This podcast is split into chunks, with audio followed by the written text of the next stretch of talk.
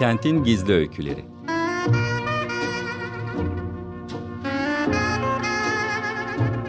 Kentin isimsiz kahramanları ve ilham veren yaşamları. Sıradan İnsan Öyküleri. Hazırlayan ve sunan Kenan Doğan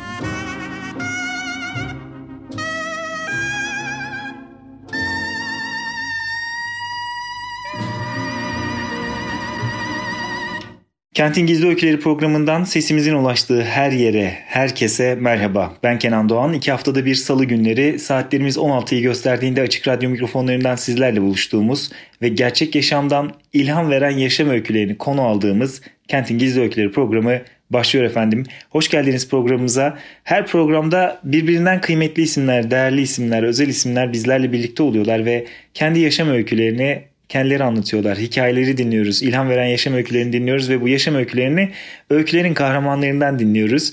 Bakalım bugün konuğumuz kim ve bize neler anlatacak? Sabırsızlıkla bekliyoruz sizlerle buluşturmayı kendisini. Çünkü gerçekten ilham verici bir yaşam öyküsü, özel bir yaşam öyküsü bugün sizlerle paylaşmak istiyoruz.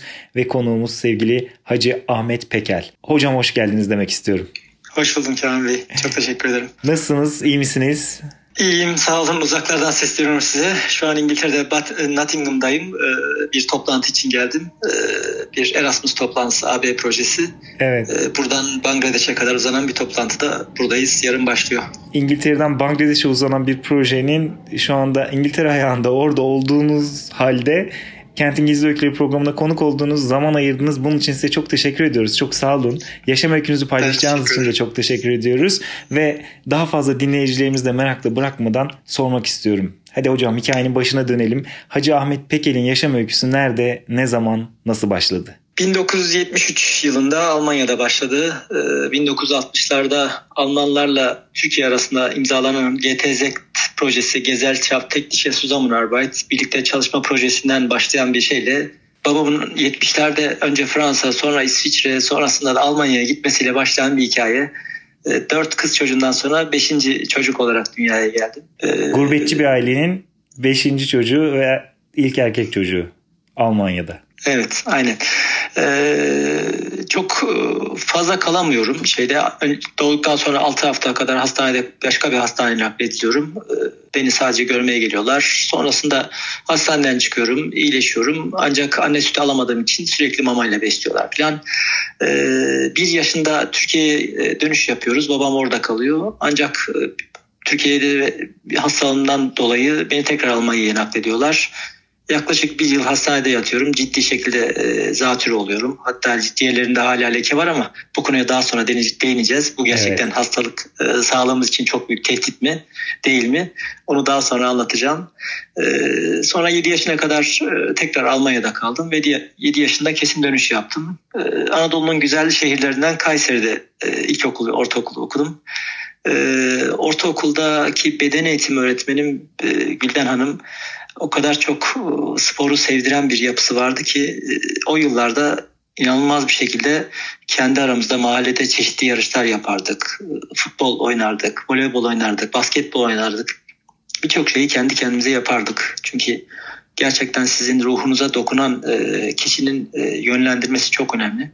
Bu benim yıllar sonra spora başlamamı sağlayacaktı. 1987 yılında girdiğim bir sınavda Kuleli Askeri Lisesi sınavlarında başarılı olarak asil listeden e, kazandım ve sağlık kontrollerinde e, sağlıklı olduğum belirlendi ve e, artık 14 yaşında üniforma e, giyecektim. Askeri okula geçiş ee, yapıyorsunuz. Hocam e, gurbetçi bir ailenin çocuğusunuz. Dediğiniz gibi bir hastalıkla aslında 7 yaşına kadar uğraşıyorsunuz. E, bu yüzden de Türkiye'ye gelip sonra tekrar 1 yaşında Türkiye'ye gelip sonra tekrar Almanya'ya dönüyorsunuz tedaviniz için. E, ve oradaki ciğerlerinizde e, şu anda hala dediğiniz e, o leke e, ciğerlerinizde yaşadığınız sorun nedeniyle aslında e, ciddi uzun bir tedavi süreci oluyor. Ama sonra dönüp Kayseri'de e, Türkiye'de ilkokul, ortaokul okuyorsunuz. Ortaokuldaki öğretmeninizin de e, yönlendirmesiyle aslında sporla daha yakından ilgilisiniz ve sonra Kuleli Askeri Lisesi. Baktığınızda geriye dönüp o yıllara hayatınızın o dönemine E, ne düşünüyorsunuz? Nasıl bir çocukluk olarak görüyorsunuz o yılları? Çok güzel çocukluktu. Yani e, hep anlatılır ya. Geçmişte şöyle güzel, böyle güzel günler vardı, bayramlar vardı. Çocukluğumuz o kadar güzeldi ki hiçbir asfalt saha yoktu. Her yer topraktı. O toprakta e, biz birçok oyun oynayabiliyorduk. Yağmur yağardı, yerler çamurlaşırdı. E, pers dediğimiz oyunlara oynardık işte.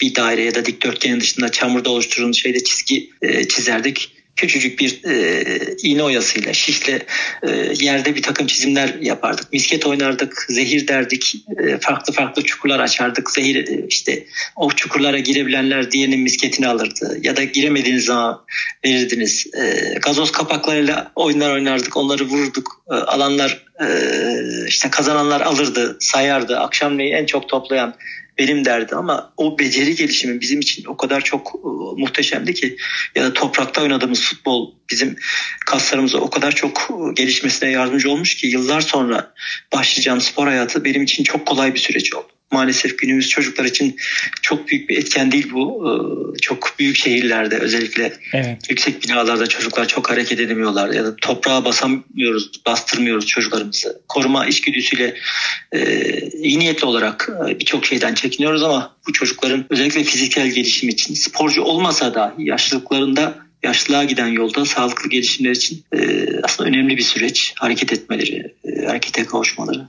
Evet. Hareketli Veya geçen hareketli geçen, toprağa dokunan, sokakta oyunlar oynayarak e, gelişimini tamamlayan bir çocuk ve e, dolu dolu geçen çocukluk yılları ardından söylediğiniz gibi Kuleli Askeri Lisesi ve üniforma yılları başlıyor. Üniforma girdiğiniz yıllar. O yıllar nasıl evet. geçti? 87 yılı tabii üniforma giydiğiniz için artık e, sabah saat 6'larda kalkıyorsunuz. E, her gün spor yapmak zorundasınız. Ama bu spor tabii performans sporu değil. E, vücudunuzun gelişimi için sonuçta askerliğe hazırlanacaksınız. Daha sonra verilen görevleri yapacaksınız. yaklaşık bir yıl sonra birinci sınıfın ortalarında beden eğitimi öğretmenimiz Barış Sunay Binbaşı bir iç bahçede o kulelerin arkasındaki İstanbul'da Yeditepe'li şehrimizde kulelerin arkasında bir test yaptı bize. 100 metre koşu testi ve uzun atlama derecesi aldı. Hemen yanına çağırdı beni. Atletizm takımı sorumlusu olan Ali Gündoğan Yüzbaşı'ya gönderdi.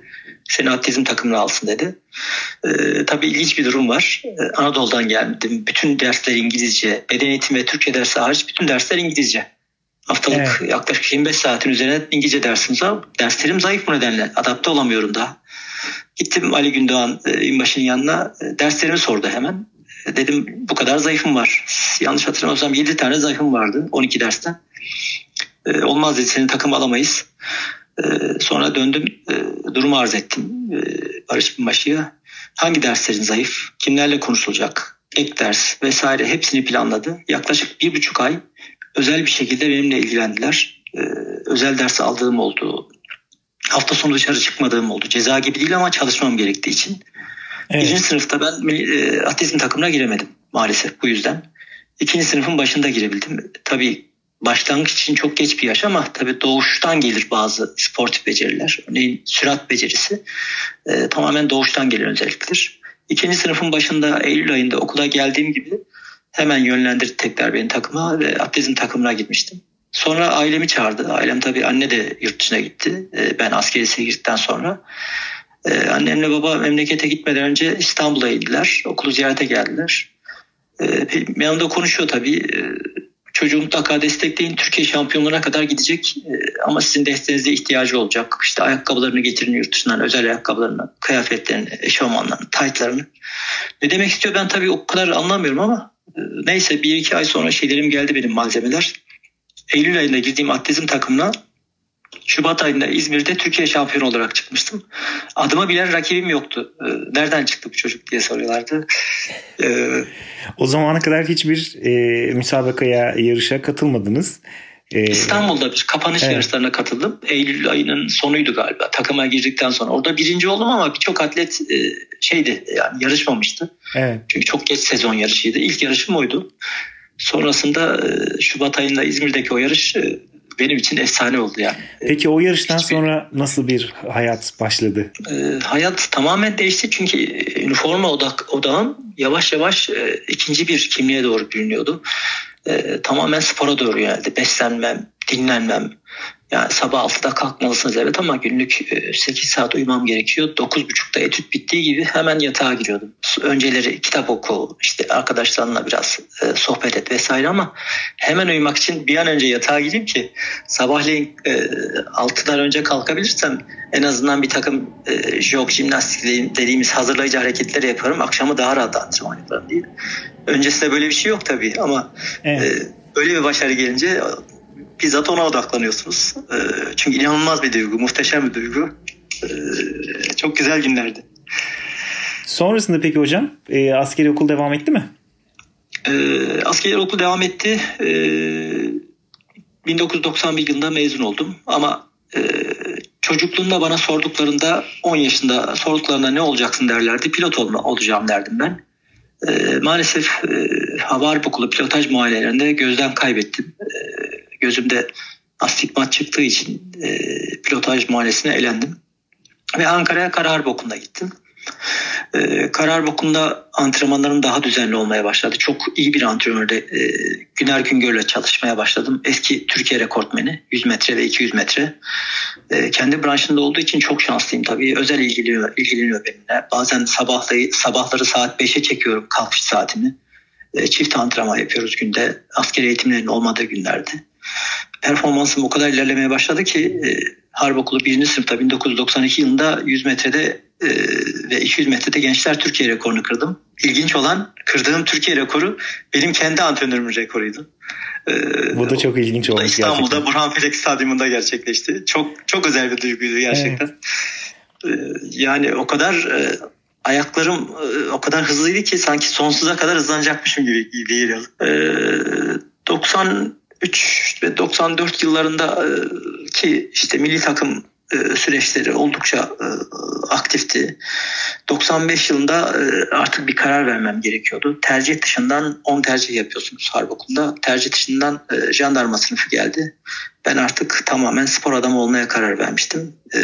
İlgili prosedürleri tamamladım ve 1995 yılının Mayıs ayında üniformayı çıkararak Almanya'ya gittim e, tamamen performansımın en üst seviyesine nasıl e, çıkabilirim diye. Bir buçuk yıl kadar Afrikalı atletlerle e, bir Alman antrenörle çalıştım. E, performansımın zirvesindeydim artık. Ve büyüklerde Türkiye şampiyonu olmuştum. Üç kez e, hem 100 metre hem 200 metre hem de 400 metre branşlarında. Ee, üniversite denkliğini sağlayamadığım için Almanya'da e, daha fazla kalamayacaktım. 97 yılında e, Türkiye'ye döndüm ve Gazi Üniversitesi Beden Eğitimi Spor Yüksek Okulu'na girdim o yıllardaki adıyla. 2000 evet. yılında mezun oldum. Tam Almanya dönüş işlemlerimi e, orada master'a gidecektim. Dönüş e, prosedürlerini, yazışmaları gerçekleştirirken 2000 yılında Mayıs ayında üniversitedeki iki hocam bir tanesi çok yaşlıydı Metin Demir, e, diğeri de Mansur Onay atletizmden sorumlu hocalarımız. İzmir'de Türkiye Şampiyonası'nda e, Gazi Üniversitesi'ne spor yüksek okuluna e, bir asistan al, alacaklarını eğer Türkiye'de kalırsam beni düşündüklerini söylediler. Tabii çok onur duyduğum bir şey oldu, teklif oldu. E, bir hafta düşünmem, e, düşünme süresi verildi. E, dedim hocam kalıyorum bir hafta sonra. Ve Almanya'da maceram kapandı. Evet. Aslında Almanya'da yüksek lisans doktora yapacaktım ama Gazi Üniversitesi kısmet oldu e, yüksek lisansa başladıktan bir buçuk yıl kadar sonra da 2002 yılının Şubat ayında asistan olarak e, Gazi Üniversitesi'nde göreve başladım. Ve o gün bugündür Gazi Üniversitesi'ndesiniz. Gazi Üniversitesi'nde akademisyen olarak çalışıyorsunuz. Ve hayatınızda aslında o çocuk yaşlarda daha ortaokuldaki beden eğitimi öğretmeninizin yönlendirmesiyle başlayan spor o gün bugündür hayatınızda var. Hem siz eski bir Türkiye şampiyonu, Türkiye rekortmeni olarak sizin hayatınızda spor var hem de yetiştirdiğiniz binlerce öğrencinin hayatında. Biraz Aynen. biraz o geride kalan süreyi konuşalım mı hocam? Akademisyenlikle beraber hayatınızda neler oldu, neler yaptınız? Akademisyenlik e, çok güzel bir duygu. Verdiğiniz şeyin karşılığını alıyorsunuz. Teorik olarak, pratik olarak eğitiyorsunuz. Her şeyden önce eğitmensiniz. Ne veriyorsanız e, verdiğiniz şeyle sınırlı öğrencinin aldığı şey. Araştırmaya yönlendirirseniz daha da farklı şeylere yönelebiliyorlar farklı alanlara. Bu çok güzel duygular ama saha tecrübesi bambaşka bir duygu. O nedenle e, antrenörlüğü ben bırakmış olsam da antrenörlük beni bırakamadı. Diyeceksiniz ki nasıl oldu? 2002 yılında asistan olur olmaz hemen Ankara'daki çeşitli bölgelere, kulüplere e, bir dosya bıraktım. Bir tanesi yaklaşık bir ay sonra döndü ve altyapı çalışmalara başladık. Yaklaşık 7 bölgeden, 7 ilçeden 20 bine yakın çocuk taradık. Ve 20 bine yakın çocuktan 600 tanesini atletime başlattık. Başlattığımız bu 600 çocuktan yaklaşık 10 yıl sonra e, milli takımlarda başarılı olan çocuklarımız dahi çıktı. Akdeniz oyunlarında e, kürsü gören çocuklarımız çıktı. Bu ayrı bir başarı hikayesiydi. Ancak 2002 yılında başladığım altyapı e, çalışmaları 2007 yılında A milli takıma döndü. 2007-2012 yıllar arasında e, A milli takımda e, kısa mesafe veren sorumlu antrenör olarak görev yaptım. E, süreç öyle bir noktaya getirdi ki artık doçentlik için hazırlık süreci başlamıştı. 2007 yılında doktoramı tamamladım. 2000 yılında başlayan lisansüstü eğitim 7 yıl sonra tamamlanmıştı. Ve 2012 yılında artık e, akademik olarak doçentlik mi yoksa tamamen sahaya yönelmek mi e, ayrımına getirdi beni. Ancak e, madem üniversitede çalışıyoruz e, mutlaka akademik süreci tamamlamam gerekiyor diye düşündüm. 2013 yılında milli takımı bıraktım. 2014 yılında da antrenörlüğü e, bıraktım. 2015 yılının Ekim ayında e, kaderin başka bir şey herhalde e, mutlu bir görüntüsü Kuleli Askeri Lisesi'ne mezun olduğum yere sadece 2 kilometre uzakta Marmara Üniversitesi'nde bu sefer doçentliğimi aldım jüri karşısında başarılı olarak. E, o ayrı bir mutluluktu. Evet. Artık tam bir e, spor bilim adamı olarak spora hizmet edecektim. 2020 yılının e, Aralık ayında da profesörlük ünvanını alarak hareket antrenman biliminde e, profesör unvanıyla hala görev yapıyorum. Şu anda görev yapıyorsunuz akademisyen olarak, bilim insanı olarak ama bir yandan da hala sporcularınız var yetiştirdiğiniz. Öğrencileriniz evet. olan bugün e, uluslararası arenada, uluslararası alanda e, çok başarılı sonuçlar elde eden ve e, hazırlanan, önümüzdeki günlerde isimlerini sıkça duyacağımız öğrencileriniz var biliyorum. E, nedir Hacı Ahmet Pekel'in e, önümüzdeki geleceğe dair planları, neler düşünüyor? Antrenörlük bırakmadan bahsedeyim isterseniz önce 2013 yılında bıraktıktan sonra artık bir daha hiç dönemem diye düşünmüştüm. Ee, emekli olduğumda artık çocuk çalıştıracağım, onları e, branşlarına hazırlayacağım, yönlendireceğim diye düşünüyordum ama tabi bu kadar e, erken geleceğini düşünmüyordum. 2020 Tokyo Olimpiyatlarından sonra e, bizzat yüksek lisansta ders verdiğimiz öğrencilerden birisi İlke Özyüksel modern pentatlon branşında. Federasyon ziyarete geldi olimpiyatlardan hemen sonra. Ee, bir kahve içerken e, hocam başkanımız aradı mı sizi dedi. Dedim aramadı ne için arayacaktı söyler size hocam dedi. İki gün sonra başkanımız aradı federasyon başkanımız. Doçent Doktor Veli Ozan Çakır. Hocam yemek yiyelim dedi. Ben tabii bir proje hakkında konuşulacağını zannediyorum sporla ilgili. Ee, hocam dediler biz e, ilkenin artık sizin koordinatöründe çalışmanızı istiyoruz. Aynı zamanda atletizm branşında sizin bakmanızı istiyor, istiyoruz dediler. Yani olağanüstü bir şeydi ama teklif ben tabii hemen böyle bir şeyin teklifin ağırlığını tahmin ettiğim için yurt dışında bu branşta çok çok iyi olan antrenörler vesaire bunların hepsini e, masaya yatırdım. Şunu yapalım, bunu yapalım. Ne teklif ettiysem maalesef geri döndü. Dedim herhalde karar verilmiş. Ben dedim buna evle görüşmem gerekiyor. Onlardan bizden almam gerekiyor. Çünkü gerçekten ağır bir sorumluluk. Çünkü işte yurt dışında yarışmalarda olacaksınız, yurt içinde yarışma olacaksınız, yükseklik kampına çıkacaksınız. Birçok yer var gidecek, gitmeniz gereken. Evet. Hocam dediler evde bir sorun olursa e, adresinizi verin hanımlar birlikte bir çaya geleyim dedi federasyon başkanımız. Dedim herhalde artık karar verilmiş bana çok bir şey düşmüyor.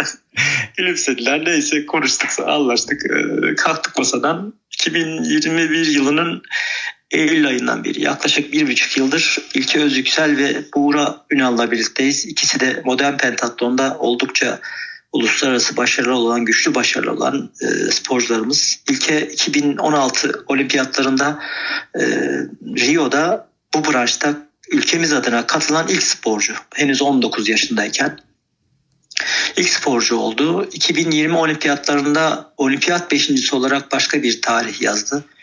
İlkeyle başladıktan sonra e, iki kez Dünya Kupası'nda üçüncü oldu. Bu yine tarih, bu branştaki tarihi olarak ilk başarıydı. Geçtiğimiz yıl Dünya Şampiyonası'nda e, Mısır'da İskender'de yapılan yarışmada Dünya Şampiyonası'nda dünya üçüncüsü olarak bizi e, inanılmaz bir şekilde gururlandırdı ve bu da tarihe geçen bir şeydi.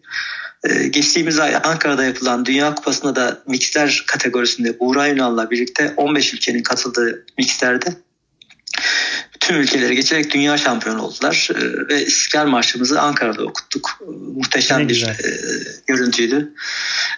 Tabii hazırlıyoruz e, 2024 Paris'e, seneye Paris'te olimpiyat oyunları. Hedefimiz tabii kürsü. Tatlı olan şey de inşallah kürsünün orta basamağı olur. E, Umarız. Umarız şimdiden, gelen mücadele veriyoruz. Şimdiden başarılar diliyoruz biz de. Yani hayatınızda akademisyen olmayı seçip antrenörlüğü bıraksanız da antrenörlük sizi bırakmadı ve bugün olimpiyatlara sporcu hazırlıyorsunuz. Ee, kendi yaşamınızda geçmişe baktığınızda aslında atletizm hayatınızın her anında vardı ve sizin hayatınızda etkileyen bir öğretmeniniz de bugün siz de birçok sporcunun hayatına dokunan hem bir antrenör hem de bir akademisyen olarak devam ediyorsunuz. Ee, geriye dönüp baktığınızda Neler söylemek istersiniz hocam dinleyicilerimize sporla ve özellikle daha küçük yaşta, genç yaşta dinleyen şu an dinleyicilerimiz vardır kardeşlerimiz. Ee, siz konuşmanın başında da bahsettiniz. Çocukken bir hastalık geçirdiniz. Birçok ebeveyn olsa evet. hastalığı o hastalıktan sonra spora yönelmesine engel olmaya çalışır belki çocukların ama e, siz bütün bunları geride bırakarak e, rekortmen, şampiyon bir sporcu oldunuz e, spora dair ve gençlerin çocukların spora yönelmesine dair kendi yaşam öykünüzde de bakarak neler paylaştırsınız bizlerle? Aynen dediğiniz gibi Kenan Bey en başa döneyim. Bir yaşında geçirdiğim o zatürre birçok e, kişi için ben hastayım, spor yapmam gerekir vesaire gibi düşünülebilir ama ne olursa olsun her hastalığın yapabileceği bir spor branşı vardır. Her engellinin spor yapabileceği bir branş vardır. Yeter ki doğru branşa, istediği branşa, sevdiği branşa, zaman geçirebileceği branşa yönlendirebilsinler velilerimiz. Ve bunu performans olarak düşünmesinler. Çocukların sağlıklı gelişimi için gelecekte hayatlarına sporu dahil etmesi adına e, bir düşünce içerisinde olsunlar. Zira, başarı yelpazenin çok küçük bir dilimidir. E, biz yetenek seçiminde çocuklarla ilgili çalıştığım için söylüyorum. 100 çocuktan ancak 20'sinde sportif beceri vardır ama bu çocuklardan ortalama olarak 4 tanesi e, yeteneğini devam ettirebilir. Ve bu yeteneği devam ettiren çocuklardan da bir tanesinin başarılı olması bile büyük bir şanstır. Diğer taraftan performans olarak bakarsak olimpiyata gitme katılma şansımız 100 binde bir, birdir çocuklar açısından. Olimpiyatta başarılı yani madalya alabilme şansı milyonda birdir. Yani 18 milyon e, gencimiz varsa şu an bizim 18 tane madalya potansiyelimiz var. O nedenle sporu sadece performans olarak düşünmek doğru değildir. Sağlıklı gelişim için hayata spor dahil etmek birinci aşamadır. Hani ben zatürreyim diye spor yapmıyor olsaydım, kendi kendime ya da başkalarının desteğiyle yapmıyor olsaydım e, yaşlılıktaki problemin çok daha büyük olacaktı. Çünkü akciğer kapasitemi geliştiremeyecektim ben.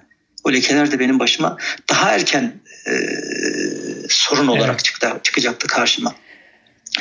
Diğer taraftan çift yönlü kariyer özellikle e, üniforma çıkarma kısmını şey yaptım. İyi bir asker olabilirdim tercih etseydim. E, çünkü bize verilen eğitim daha çok küçük yaşlarda başlıyor ve bunu beceri haline getiriyorsunuz. Başkalarının nasıl dediği yerlerde sizin yorumunuz hazır oluyor sahayı yayılma ilgili. Aldığınız alan neyse. Ama çok geç olmasa da verdiğim karar beni spor adamı olma yoluna itti. Belki harp okulundaki o 4 yıllık sistem mühendisliği okuduğum süreci okumayıp e, Kuleli Askeri Lisesi'nden sonra e, spora yönlendirebilirdim ama hiçbir zaman benim kaybım olduğu diye düşünmüyorum. Doçentlik sürecinde, profesörlük sürecinde ya da doktorayı bitirmekte daha geç bir takım şeyleri almış olabilirim ama evet. bana askerlik inanılmaz bir hayata bakış açısını mükemmel seviyeye çekti. Disiplini çok iyi seviyeye çekti. Sporda başarı ya da antrenörlükte başarı ya da akademisyenlikte başarı unsurum varsa o aldığım e, bir takım disiplin ya da e, çalışmalardan kaynaklıdır. O nedenle çift yönlü kariyerde de hangi kariyerin diğer tarafı nasıl yansıyacağını e, her zaman çok iyi bilemeyiz. Sadece kararlı hareket etmek gerek. E, evet. gerekli diye tavsiye edebilirim. Hocam programımızın sonuna geldik artık. Son söz ne söylemek istersiniz bizlere? Ee, sağlıklı geleceğiniz için hayatınıza mutlaka spor yapmayı, çocuklara e, spor yolunu açarak velilerimize onlara bir şans sunmalarını e, çok tavsiye ederim. Ee, ayrıca beni böyle güzel bir programa dahil ettiğiniz için çok teşekkür ederim. Biz teşekkür ederiz. Sağ olun. Ağzınıza sağlık, yüreğinize sağlık. Hayat öykünüzü bizlerle paylaştınız. Evet efendim programımızın sonuna geldik. Bugün konuğumuz Profesör Doktor Hacı Ahmet Pekel'di. E, Gazi Üniversitesi'nde bugün hala olimpiyatlara sporcu yetiştiren e, eski Türkiye şampiyonu, Türkiye rekortmeni bir spor insanıydı. Ve onun yaşam öyküsünde kendisinde aktardığı gibi hayat belki zor başladı, farklı gelişti askeri okula gitti ama spor hayatının her döneminde vardı ve her şeyin üstesinden gelerek önce kendisi başarılar elde etti. Sonra kendi deneyimlerini bugün genç kuşaklara, olimpiyat sporcularına aktarıyor. Dolayısıyla Böylesine güzel yaşam öyküleriyle ben inanıyorum ki böylesine güzel antrenörlerimizle, spor insanlarımızla bizler çok daha başarılı olacağız önümüzdeki günlerde. Bugün ne kadar emek verdiğini ve gençler için ne kadar uğraştığını, çocukların spor öğrenmesi için ne kadar uğraştığını çok yakından takip etmeye çalışıyorum ben de. Kendisine bir kere daha teşekkür ediyoruz konuğumuz Profesör Doktor Hacı Ahmet Pekel'e. Ve geldik programımızın sonuna. İki hafta sonra salı günü saatlerimiz 16'yı gösterdiğinde Açık Radyo mikrofonlarından Kentin Gizli Öyküleri programıyla bizler yine burada olacağız. Sizleri de bekleriz efendim. Ben Kenan Doğan ve Teknik Masa'daki Açık Radyo çalışanı değerli arkadaşlarımla birlikte sizlere sağlıklı günler diliyoruz. Hoşçakalın.